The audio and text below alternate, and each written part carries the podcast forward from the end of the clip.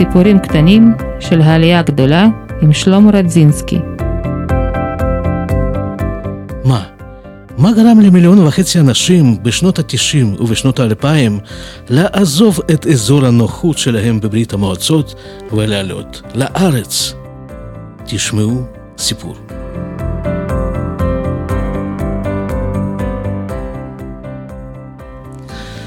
שלום. שלום לכם מאזינים יקרים, שלום למאזינים הקבועים, שלום למאזינים החדשים. היום אני רוצה להציג לכם את דוקטור אלכסנדר שיינין. אלכסנדר שיינין עובד כרופא ילדים במרפאות באזור גוש עציון. אנחנו נפגשנו איתו בבית שלו ביישוב בת עין. דרך אגב, אה, יש לנו עוד משתתף אחד בשיחה, זה התוכי. מדי פעם אתם תשמעו אותו ברגעים שהוא מנסה לתפוס תפקיד אה, פעיל במשך הראיון. אלכסנדר שיינין עלה לארץ בשנת 1987 מעיר לנינגרד עם אה, משפחה, אשתו והילד הבכור. הוא נולד וגדל בלנינגרד, העיר שעכשיו נקרא סנקט פטרבורג. אני לנינגרדי, לנינגרדי מובהק אפשר להגיד, זאת אומרת, ממש הייתי שייך לעיר הזאת. ובזמן הילדות, אלכסנדר, כמו רוב האוכלוסייה בעיר לנינגרד, היה גר בדירה קומונלית. אתה יכול קצת להסביר, אני לא בטוח שרוב מאזינים מתארים לעצמם מה זה דירה קומונלית. דירה קומונלית, אפשר להגיד שזה מין נכס שאני שומר בליבי עדיין. זה שילוב של יוקרתיות וגאווה בצד אחד, בגלל שאנחנו היינו גרים בבית של פריץ, פמשיק, המפורסם. זה היה בית ענק שעדיין הוא נכס של סן פטרבורג. בית ענק עם חלונות גדולות, עם תקרה גבוהה, עם, עם גן על יד בית, אבל זה היה בעבר. אנחנו היינו גרים בדירה שהיו חמש משפחות, גרים, כל משפחה הייתה תופסת חדר אחד בבית של פריץ הזה. היה שירותים אחד, מטבח שהיו כמה תנורים ולכל משפחה היה שייך שתי קריים קטנים. וזה היה דירה קומונלית, כמעט קיבוץ, שהיינו גרים ביחד, אפילו כמה דורות, אנשים בעצם זרים, גויים גם כן, ויהודים, וזו הייתה חוויה בלתי נשכחת ומאוד חשובה, זאת אומרת, היה פה משהו חם, לבבי, אנושי, אמנם מריבות וצעקות וריח ודחף, ובצד שני עזרה הדדית, תמיכה, חברה טובה, סיפורים אישיים, אנושיים. אז כולנו היינו בעצם גרים כמשפחה אחת גדולה בדירה קומונלית. כמה אנשים הייתם, אתם הייתם גרים באותו חדר? היה לנו חדר 30 מטר. הוא עדיין קיים, את החדר הזה. עדיין בית קיים. והיינו גרים שם סבתא, סבא, אבא, אימא ואני. חדר 30 מטר, אנחנו חמישה אנשים היינו, זה ילדות שלי. הייתם איכשהו מחלקים איכשהו... כן, היו כל מיני פטנטים לא רשמיים, נגיד, שסבא שלי הרוויח משהו, איזשהו סכום, ועשו לנו מחיצה מפנרה, מה... חילקו את ה-30 מטר לשתי חדרונים קטנים, זה לא אפילו חדרונים, זה מין וילון כזה מעץ, לא עד התקרה, משהו סמלי כזה, עשו חלוקה לשתי חדרונים קטנים, סבא וסבתא, אימא ואבא, ואני בהתחלה איתם, אחר כך היה בפינה חשוכה, אחר כך כשסבא הלך לעולמו, אז נולד לי אח, אז המשכנו לגור שם, סבתא בחדר אחד, אימא, אבא עם, בפינה הזאת עם אח, ואני בחדר חשוך.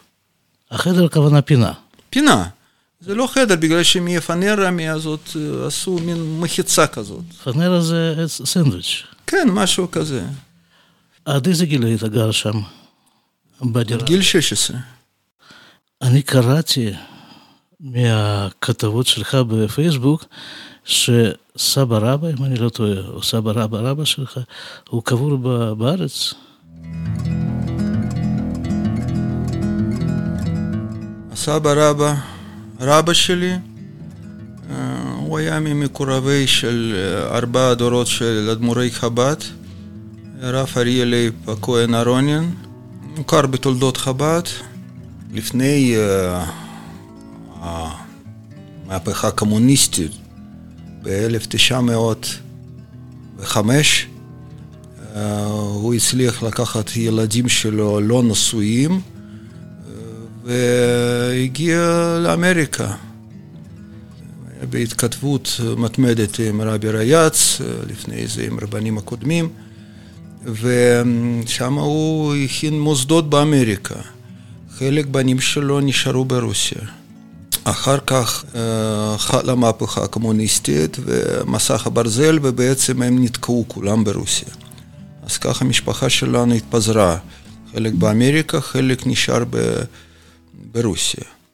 והוא בעצמו, בשום מה, בשבילי זה עדיין סוד אנושי ענק, איך זה קרה שהוא היה אחד מבולטים שם, ומסודרים, ומבוססים באמריקה, הוא פתאום לבד עזב הכל ו... והגיע לארץ הקודש. באיזה גיל, אתה יודע? בגיל 75. יום הולדת שלו הוא חגג באונייה המפורסמת ציונית, פרזידנט ארתור.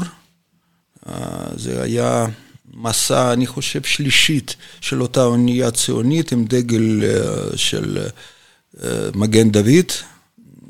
וזה הסוד הגדול, ובעצם לא ידענו על זה. שמעתי מסבתא רק שסבא רבא, שסבא שלי הגיע לארץ הקודש, ושם הוא למד תורה, ושם הוא נפטר.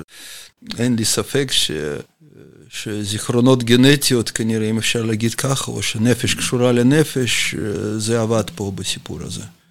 בסיפור העלייה שלך. כן, בהחלט. אז אם כבר, באיזה גיל נודע לך שאתה יהודי? זה בגיל שבע. בוודאי שגם קודם הייתה אווירה מסוימת במשפחה, אמנם המשפחה אינטליגנטית, לינגרדית, אבל היה משהו במשפחה, אתה בטוח. גם שירים, גם מבטא, גם התנהגות, זה ברור. אבל נודע לי מילה יהודי בצורה משונה, בצורה ז'ית, בכיתה א', פתאום שמעתי מהבחורה הכי יפה בכיתה, הכי חמודה, הכי חברה שלי, ממש בימים ראשונים שהגעתי לבית, לבית ספר. אז אני לא ידעתי אפילו מילה הזאת, ובאתי להתלונן להורים, אמרתי שבשום מה לורצ'קה קרא לי ז'יט, אמנם שאני לא כזה, נתתי לה הכל ואנחנו חברים טובים, ופתאום, למה ז'יט? אני לא ז'יט. הערה, מילה ז'יד. כינוי ליהודים ברוסיה, בפולניה. המילה הזאת, ז'יד, דומה למילה הרוסית ז'דינה. המשמעות של מילה ז'דינה היא קמצן. ואז הסבירו לי ש...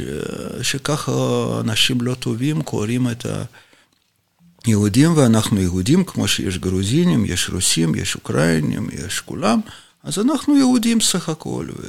ואתה לא לבד, וגם סבתא שלך יהודייה, וגם אימא, וגם אבא, וגם דודה, וגם דוד, וגם, וגם בשום מה אמרו לי ש... קארל מרקס, וגם איינשטיין, וגם צ'רלי צ'פלין, אמנם שזה ספק, אבל... אז אתה בחברה טובה עם כל כן, הסקרים כן. לאלה. ובכן, הסבא רבא רבא של אלכסנדר קבור בארץ ישראל. מעניין איך הוא עברה מסורת, מסורת יהודית, ב... חלק המשפחה שלא השתתף במסע של סבא רבא רבא לאמריקה, בחלק המשפחה שנשאר ברוסיה. תראו, אני מגיל רך שום, שומע מעבר המחיצה הזאת, את איך סבתא שלי מדברת עם אחיות שלה שהיו באים לבקר ביידיש. זאת אומרת, אני שמעתי איזושהי שפה, וכמו שכולנו היו זוכרים כמה מילים, אני זוכר את הלקח, אני זוכר איך סבתא עושה גפילטה פיש, הייתי עוזר לה, עד היום אני זוכר איך עושים את זה. אני זוכר איך היא עשתה גבינה, קוראים לו גומולקה. צימיס ומאכלים אני זוכר. סיפורים אין סוף שמעתי מסבתא על חיים בשטטלה ברוסיה הלבנה, בעיר אסנו, שירת שבת, איך הם היו שרים, ואני גם זכיתי לשמוע את זה, אפילו עד היום אני שומר כמה פרקי בקסטות מילדות שלי, ששומעים איך משפחה שלי שרה ניגוני חב"ד ביידיש. זאת אומרת, הייתה אווירה מסוימת. ציונות, איך זה התחיל, איך זה, מתי זה התחיל? תראו, אפשר להגיד שבאיזשהו מובן אנחנו צמחנו בתרבות נוצרי. היה לי תמיד מעניין את הנושא של רוחניות, אומנות רוסי ואומנות בינלאומי והרמיטאז'. פה חל איזשהו שילוב כנראה, אני חושב, בין ה... השכלה כאילו כללית ועם חיפוש איזשהו עומק בחיים ומשהו אישי. אני קראתי ספרים, והיה מעניין לי מה זה פלסטינה, ראיתי אלבומים, תמונות, והיה בזה משהו רומנטי. אני לא ידעתי עדיין שסבא רבא רבא הגיע לשם, זה היה סגור. עשר מפתחות, היה את הסיפור הזה. אבל היה לי מעניין. מה זה פלסטינה. אחר כך אני חושב שאנטישמיות זה גם עשה מסוים, שאומרים לך, לך לישראל, או מה זה ישראל בכלל, אתה מתחיל להתעניין ואתה פתאום מבין שיש משהו. ואני זוכר בדיוק את הדקה הזאת שאני שמעתי פעם ראשונה, ידעתי שיש מדינת ישראל, זה אני יכול לספר. זה היה באביב 1967. זאת אומרת, אני בכיתה ד'. ואני זוכר שאבא שלי פתאום הגיע, שמח מרגיל. אבא היה קומוניסט, לא שרוף, אבל לפי התפקידו. בעבודה, מהנדס ראשי. והוא פתאום הגיע מאוד שמח והביא אה, העיתון חודשי נאוקה היא ז'יז'ן, מדע וחיים.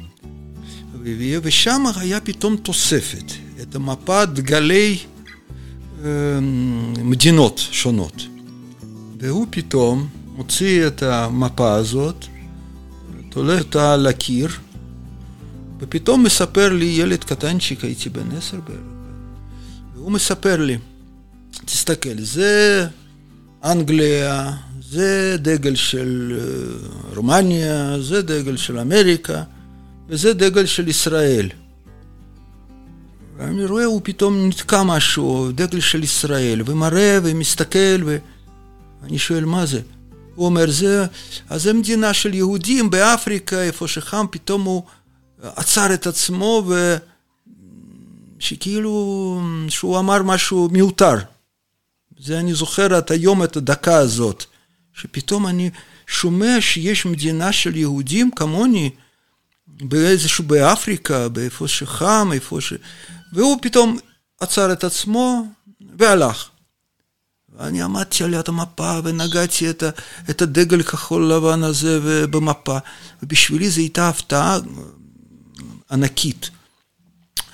באותו יום אני שאלתי אותו איפה הוא קנה את העיתון הזה, והוא אמר, שם בצומת יש בודקה של קיוסק של עיתונות, שם היה.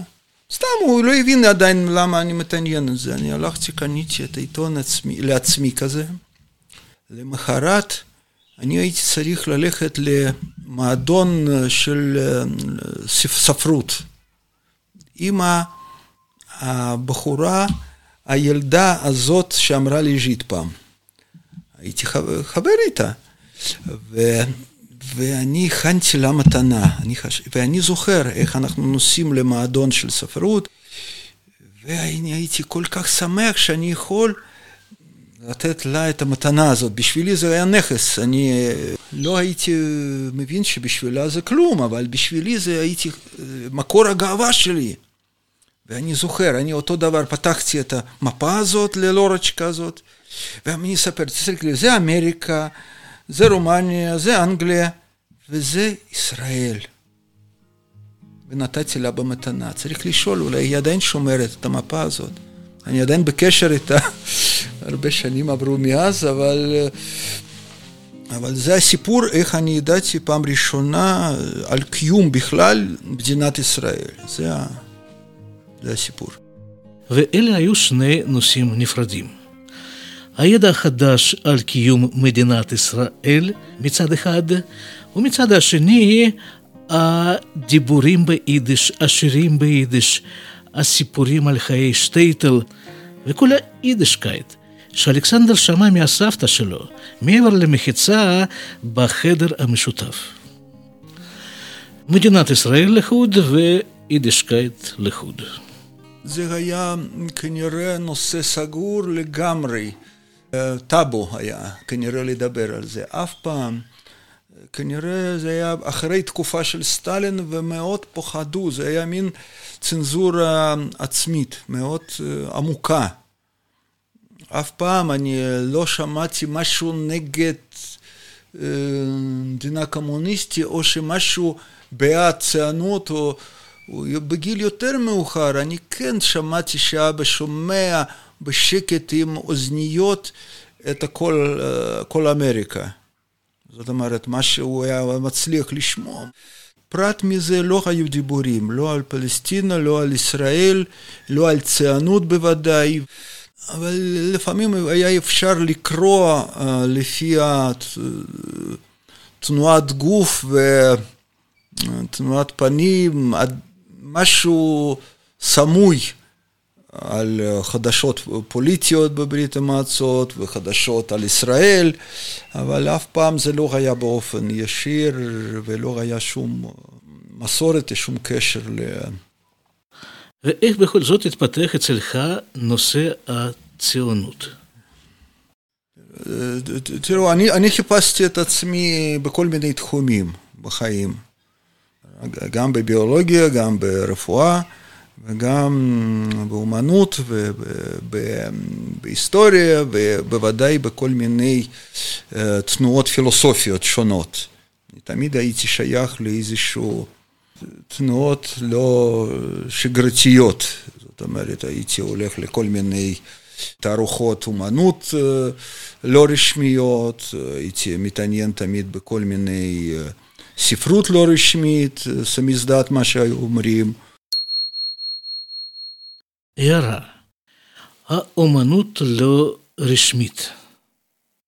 בברית המועצות היה לא מעט אנשים שחיפשו רוחניות. הרוחניות כביכול שהציעו הערוצים הרשמיים לא סיפקה אותם. בגלל שהם היו בנויים על השקר, כמו הרבה דברים בברית המועצות.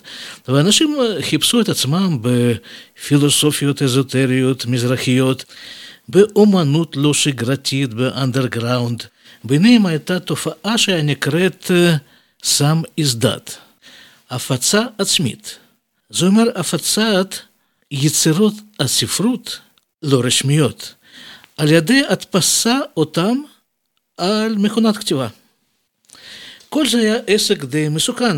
כל אחד שהיה נתפס על זה היה נכנס בדרך כלל לסיבוכים עם המשטר הסובייטי. ואני חיפשתי איזשהו אקשן בחיים, מה שאומרים. אני תמיד חיפשתי את זה. אה? אקשן רוחני?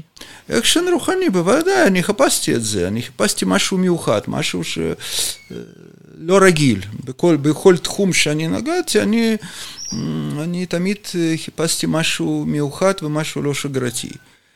וככה גם אני הגעתי לכל מיני התעניינות ב... בדתות שונות, אף פעם לא, לא הייתי שייך לשום תנועה אחרת, דתית, אבל הייתי מתעניין בנצרות, בכל מיני ביטויים שלו. של נצרות, והייתי מבקר כל מיני כנסיות וכל מיני מקומות שעכשיו לא הייתי הולך אליהם, אבל זה אז היה מאוד מעניין. אני הייתי, אני הייתי שואף מכל מיני מקומות את, את הרוחניות, והכל היה מצוין. פרט מדבר אחד שאני לא הייתי מצליח להכניס בכל הפילוסופיות האלו את היהדות שלי. יידישקייט שלי, את הלב יהודי. זאת אומרת, הייתי כאילו לפעמים מוצא את עצמי בפילוסופיה פלוני או שלמוני, אבל פתאום אתה בולט גם שם, אתה לא כמו שכולם באותה חברה. זאת אומרת, ולאט לאט אני הייתי מתקרב יותר לנושא של מה זה יהודי. ובוודאי שהדבר הכי כאילו מכריע, יותר הכי חשוב מבחינתי זה היה הכרה של עניין השואה. זאת אומרת, בשבילי זה היה קטסטרופה באמת. בכל האורך של חיים שלי, הכל השתנה ברגע שאני, שנודע לי. ואני התחלתי להתעניין בזה, וזה בעצם הייתה דחיפה הכי חזקה והכי חשובה, חוץ מאנטישמיות עכשווית, העניין של שואה, שאני פתאום נגעתי בו בליטא, ברוסיה הלבנה, ראיתי קברי אחים, ראיתי את הגלגולות של בני אדם שכלבים משחקים איתם. וראיתי את האי צדק נורא מטעם הממשל הסובייטי כלפי הנושא הזה, וזה שבר אותי לחלוטין, הבנתי שמה שאני צריך זה לשרוד גם רוחני, גם פיזי כיהודי, זאת אומרת, דווקא, דווקא השואה זה היה כאילו שבר בשבילי הכי קשה, שהשתנה את כל החיים שלי. באיזה גיל בערך? בערך בן עשרים.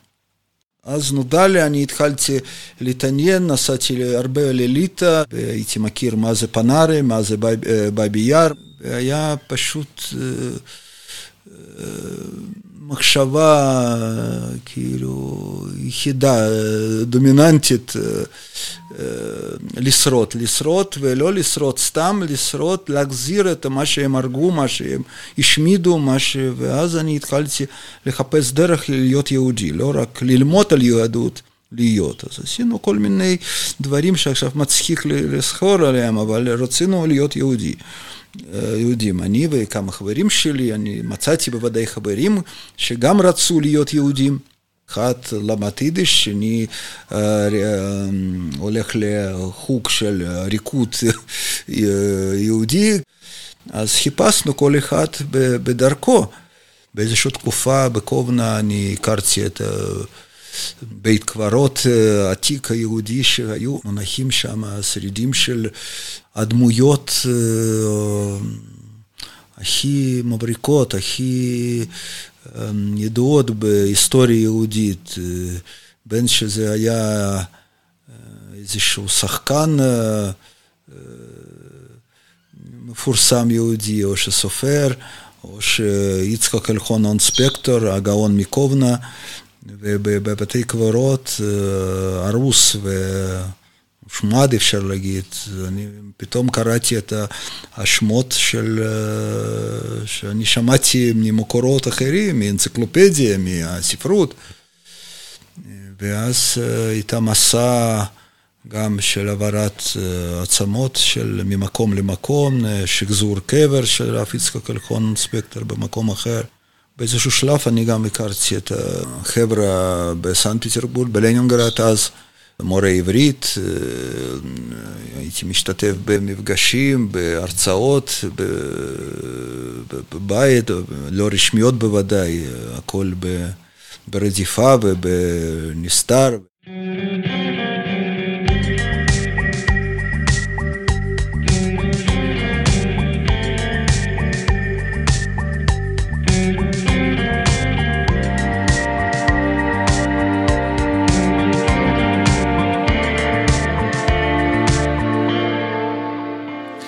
מתי הפעיל לך מחשבות לעלות לארץ?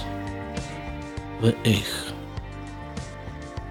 זה היה הדרגתי, בהתחלה אני הייתי מאוד רחוק מזה, אני, עד היום אני אוהב את הטבע הרוסי ו, ו, ואפשר להגיד את המנטליות והתרבות וזה עד היום לא זר לי. זה היה בדיוק משהו, שנתיים אחרי האוניברסיטה. ואני חושב שמאוד אה, דחה אותי לזה את ההרגשה של איש אי צדק. אני ראיתי, נגיד, יש לי, אני שומר עד היום תמונה שאני, שאנחנו עומדים ביום השואה, כבר למדנו שיש יום השואה בינלאומי אה, בניסן. כבר ידענו בקבוצה שלנו ב, בלנינגרד, ואנחנו התחברנו באיזושהי דירה, ועד היום אני זוכר את הדקה הזאת ושומר את התמונה. אנחנו עומדים כולם דום. כאילו דקה דום, נר דלוקה, על הקיר מצויר מגן דוד, ואנחנו עומדים דום, באותו דקה שאנחנו עומדים דום לזכר הנוספים, נספים, אנחנו שומעים את הצלצול ודפיקות שבא קג"ב ביחד עם משטרה. זאת אומרת, מיד פתחו דלת, בדקו את התעודות, רשמו, היו הרבה כאלו מקרים שבעצם אתה נתקעת באי צדק כל כך חמור שאתה הבנת שזה ממש לא במקום שלך פה. אותו דבר את, ה... את התמונה של בתי קברות שהשמידו ועשו רחובות ויסודות של בתים בליטא נגיד ממצבות של יהודים, אני ראיתי את זה. סטדיון בווילנה בליטא, שבנוי כולו מחתיכות מהשרדים של בתי קברות יהודים.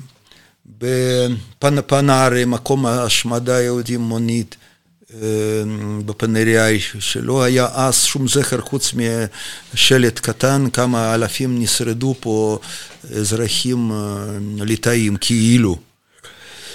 ומלחמה שאנחנו היינו עושים עם שלטונות שם כדי שהם סוף סוף יקברו את העצמות שהיו על ה... פשוט על המדף במוזיאון היסטורי.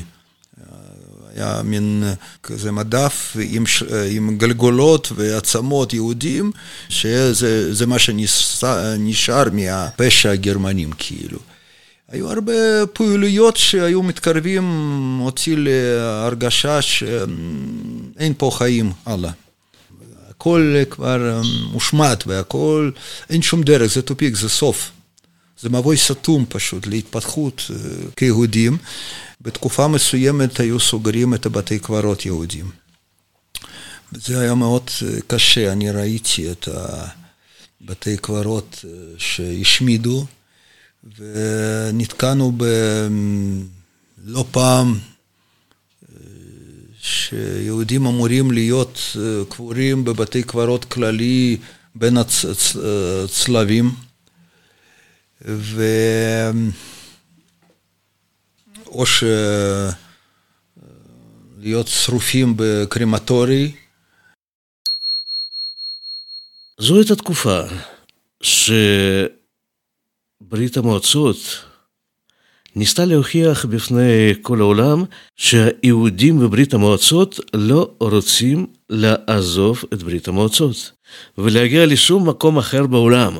וכדי להוכיח את זה, המשרדים האחראים על אישורי יציאה מברית המועצות פשוט הפסיקו לקבל מהיהודים את הבקשות ליציאה. אחרי ניסיונות רבים ו... לא מוצלחים לצאת מברית המועצות, אלכסנדר והחברים שלו כתבו את הצוואה. ואז באיזושהי תקופה אני וחברים אפילו כתבנו צבא שאם אנחנו נמות אנחנו מבקשים לקבור אותנו בארץ ישראל. זה היה... למי כתבתם? כתבנו לכל מיני שלטונות, גם לממשלת ישראל, גם לרבנות ישראל, גם לכל הצדיקים העולם, וזה ידוע, זה יש מכתב שמור הזה שביקשנו, והיה בנו את זה על צבא, צבא של אבותינו תנ"כים שביקשו לקבור אותם בחברון, במערת המכפלה, אנחנו ביקשנו סך הכל לקבור אותנו בארץ ישראל, אם אנחנו לא נצליח לברוח משם, מרוסיה, לצאת. אז לפחות שגופות שלנו יהיו באדמה שלנו. זה היה מאוד מרגש, כל התהליך הזה, מאוד כאילו אמיתי ולא הפגנתי, הוא היה ממש, עברנו את השינויים ב, ב, בהשקפת העולם. קיבלתם תשובה? התשובה הייתה מאוד מעניינת, אפשר, ככה לפחות אני שמעתי, שזה היה מפורסם די הרבה, את המכתב הזה, בחו"ל, בוודאי בחוץ רוסיה. ואז פתחו את החלקה מסוימת ליהודים בלנינגרד. זו הייתה תגובה, סך הכל, אבל אני זוכר את כל התהליך, איך אנחנו ביררנו, עם עורכי דין, היכולת להעביר את הגופות, אם אנחנו נמות שם, איך להעביר גופות לישראל. עכשיו זה, זה נשמע לא נורמלי, אבל אז זה היה באמת פחד אמיתי ורצון אמיתי באיזושהי צורה לצאת משם.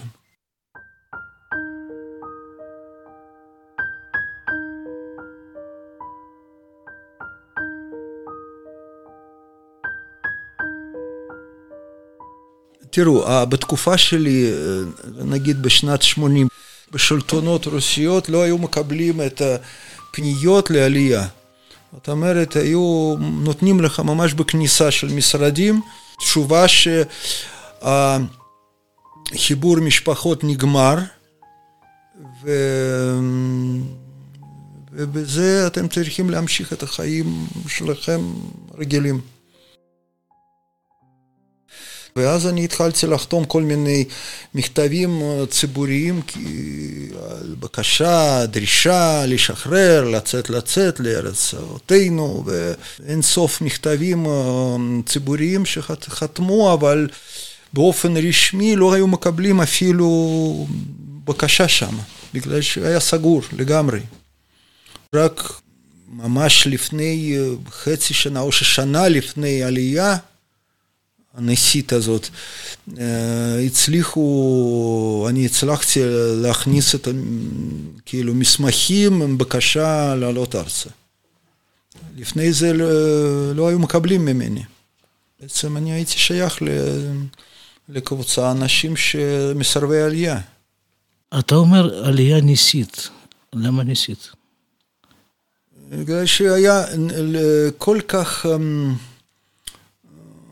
הייתה תקופה מבוי סתום. היה ממש תקופה שאין שום ספק שאתה אמור לקבר פה. ומה שקרה לנו זה היה בגדר של נס.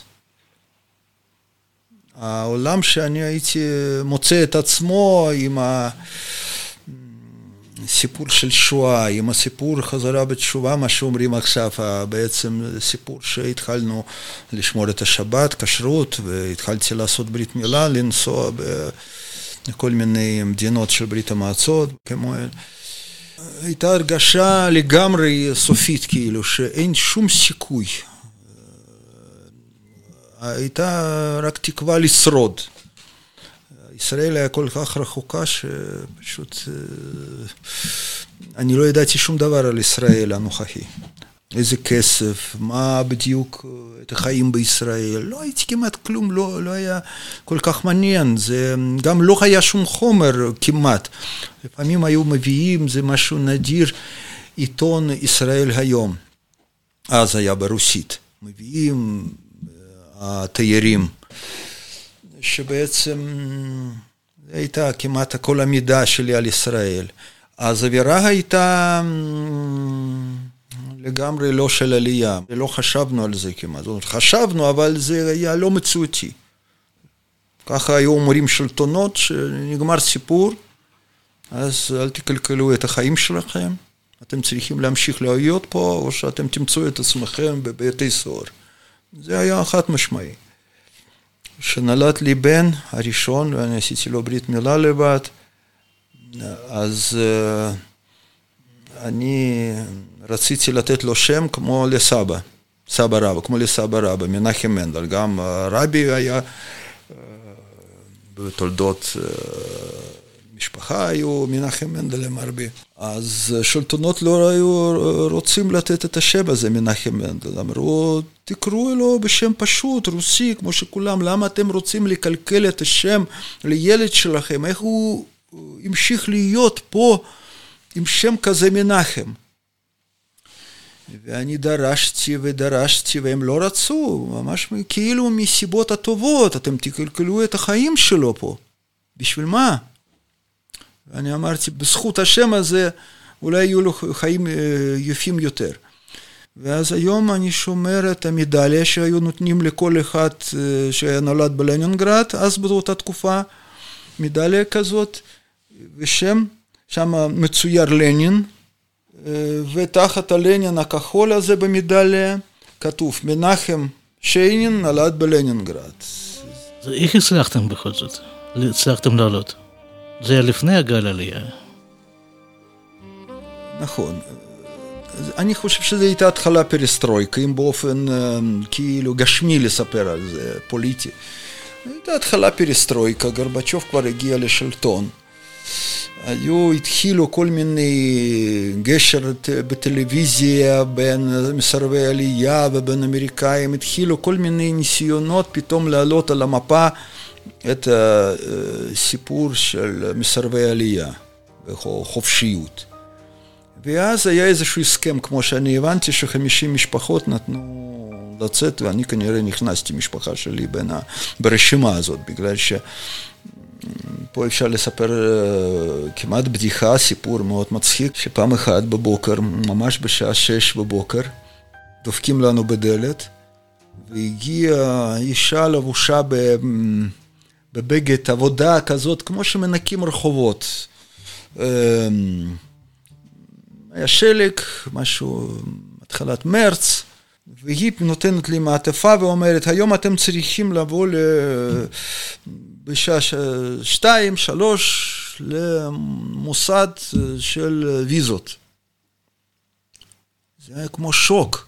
הגיעו בשש, בשבע בבוקר, דופקים בדלת, אם לא סתם בדור, נותנים לך ביד, ואישה לבושה ככה, כמו, לא יודע, כמו פועלת ניקיון. אז הבנו שמשהו קרה, ואני הלכתי למרכז הזה, למזכירות של משרד פנים, ויושבת שם אישה עם לבוש של משטרה, במדים, ברמה של, לא יודע, איך אומרים, סרן. היא אומרת, טוב, תמלאו את הטופס. אני מילאתי, אומר, מה, יש לי תקווה לצאת מפה? יש לי תקווה? למה? לא ידוע, אנחנו בודקים את העניינים. ואני, ואני אומר לה, אז אם כבר בשש בבוקר שולח, מביאים לי מכתב על ידי מישהו, משלחת, של, של, שליח מדואר, אז, אז כנראה יש תקווה באמת שמשהו מתבשל פה. והיא פתאום התפרצה ואומרת לי, איזה דואר, מה, אתה לא מכיר אותי? שאתה לא ראית שאני הבאתי לך? אז אני הבנתי שפה משהו קורה, שאותה מנהלת של משרד, משרד הפנים, בשש בבוקר מישהו נתן לה פקודה להביא את המכתב לי ולהזמין אותי לשיחה איתה כבר בשתיים, בשלוש בצהריים. אותה, אותה גברת עם מדים, עם, בדרגות של משטרה, הייתה כבר בבוקר אצלי, הביאה לי מכתב. אני לא הבנתי אפילו שזו אותה אישה. ואחרי תקופה מסוימת, אני בדיוק קיבלנו את האישור לצאת, וזה קרה ביום שני של הפסח, וזה היה מאוד סמלי. שזה קרה דווקא בפסח. ויום לפני זה אני ביקרתי באותו משרדים, ביקשתי תשובה והוא אמר עדיין לא ידוע, עדיין לא ידוע. זה היה משהו אגדי ממש, כל הסיפור הזה, שיום לפני סדר פסח אמרו לנו לא, וכבר בפסח עצמו, ביום השני כבר צלצלו להגיד שכן, שיש לנו אישור עלייה. ואחרי מספר חודשים קיבלנו תפקיד לבקר את בקהילה בניו יורק אצל רבי מלובביץ' ואז אני, כשפגשתי אותו, אני כמעט בכיתי, אמרתי שכולם נשארו, אנחנו פה, ומה הצדק בזה, אנחנו פה, וכל הקרובים שלנו, חברים, משפחה, כולם נשארו ברוסיה. רבי, ורבי חייך לי ואמר, אל תדאג, זו התחלה טובה, עוד מעט כולם יבואו. בשבילי זה היה לגמרי לא מציאותי, אני, אני לא הבנתי מה הוא אומר לי. זה כל כך לא היה עדיין לא מציאותי שייתנו לצאת לכולם. ו... ועברו כמעט חודש, ופתאום מקבלים מכתבים ומבקשים הזמנות, ופתאום גל עלייה הגיע, וזה היה משהו ממש, אפשר להגיד, לא צפוי.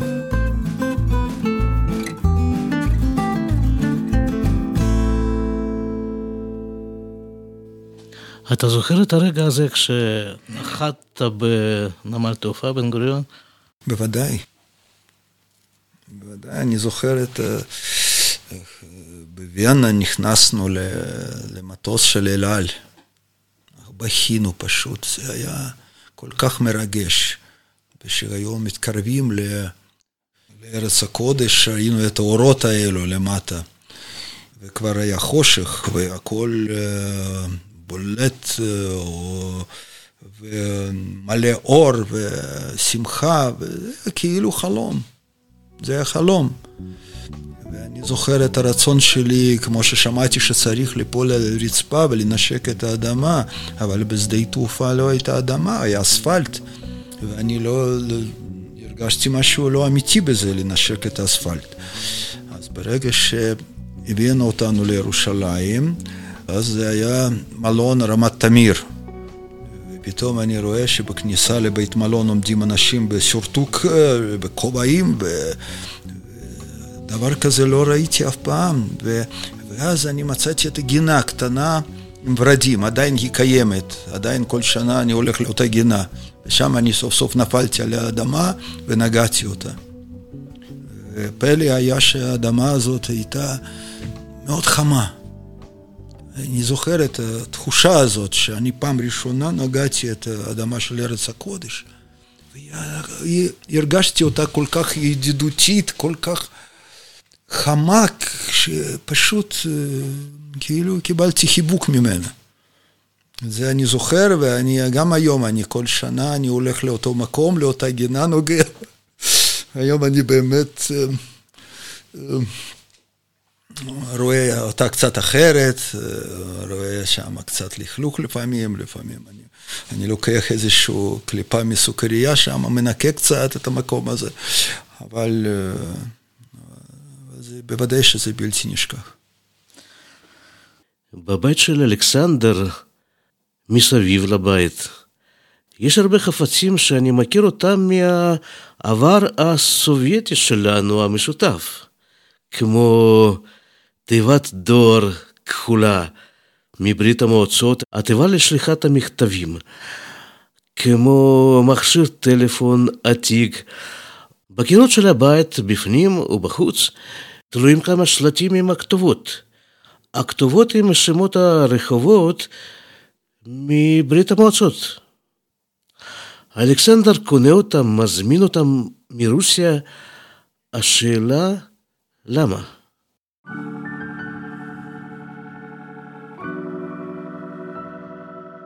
אני בטוח שזה לא רק נוסטלגיה, ממש לא. לא נוסטלגיה במובן שהיה לי שם טוב וזה מעניין לי או שזה יקר לי. בזה אני רואה איזושהי שליחות. נגיד, אחריך אתה רואה נגיד בית קטן.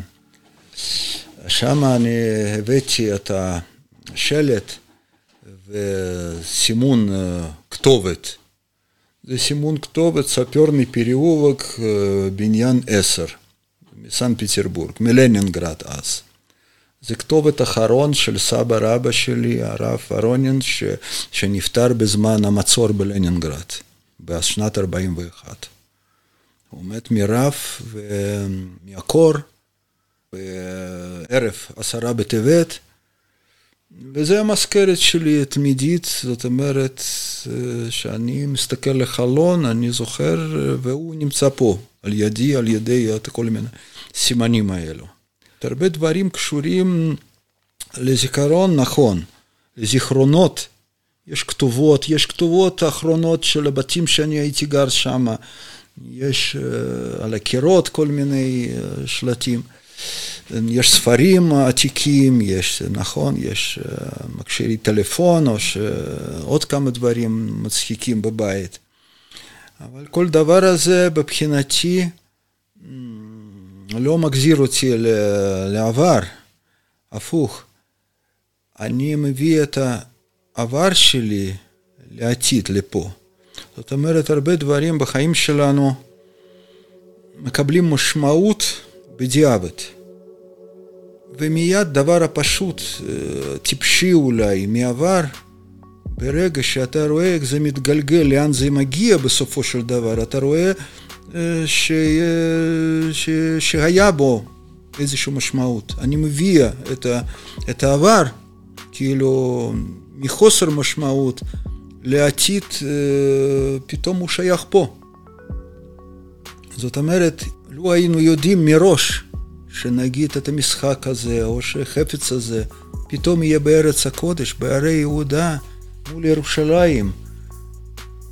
פה אז היינו אולי מסתכלים אחרת אז להרבה דברים שלא היו מבינים מה הסיפור של הדברים האלו, מה הסיפור של החפץ הזה, מה הסיפור של בן אדם הזה. ואז כאילו זה החובי שלי, זה ההתעניינות שלי להביא מה שהיה להווה ולקשור אותם. אני, אני מעלה אותם. אני לא יורד לשם, אני מעלה דברים לפה ונותן להם משמעות אחרת. יש נגיד הרבה דברים, כל דבר שאתה תיקח, נגיד, זה פעמותים של שבת, האלו. אם אני אתחיל לספר מאיפה זה, בווילנה, בליטא, יש חנויות עד היום, של דברים עתיקות, ושם הליטאים מוכרים את הדברים שהם שדדו מיהודים בזמן השואה.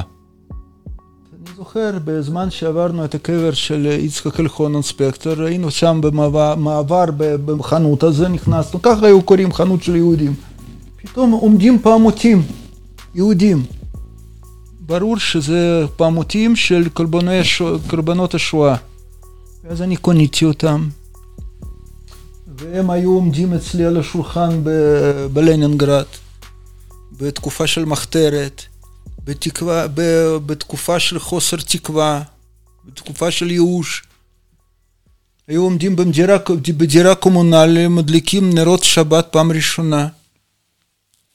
והיום דרך לא דרך הביאו אותם לפה. עכשיו הם עומדים פה וממשיכים כבר, בנות שלי כבר מדליקות אותם נרות.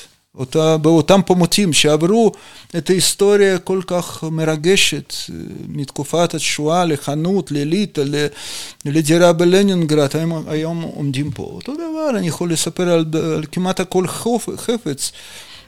שאני, שהוא עלה לפה, וזה גם כל הסיפור שמסביב, כל, כל דבר מגיע לו סיפור אישי, אנושי, פעמותים ש, שקניתי בחנות של ספורט, איך הם הגיעו לשם, אני לא יודע, בלנינגרד. ואימא שלי שהלכה אחרינו התחילה להדליק נרות שבת גם שם, ועכשיו הם עומדים פה. זו התשובה לשאלה למה יש הרבה דברים. כל, כל דבר, אפילו הכי קטן, הכי טיפש, הוא מחזיר את, הוא מעלה את הדברים משם לפה. תודה. תודה רבה לדוקטור אלכסנדר שיינין. בברכות. תודה, שלום.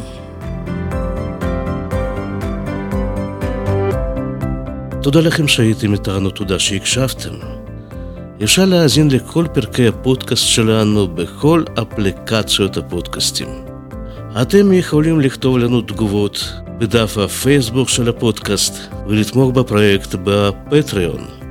ותהנו, תהנו מהסיפורים הקטנים של העלייה הגדולה עם שלמה רדזינסקי. שלום.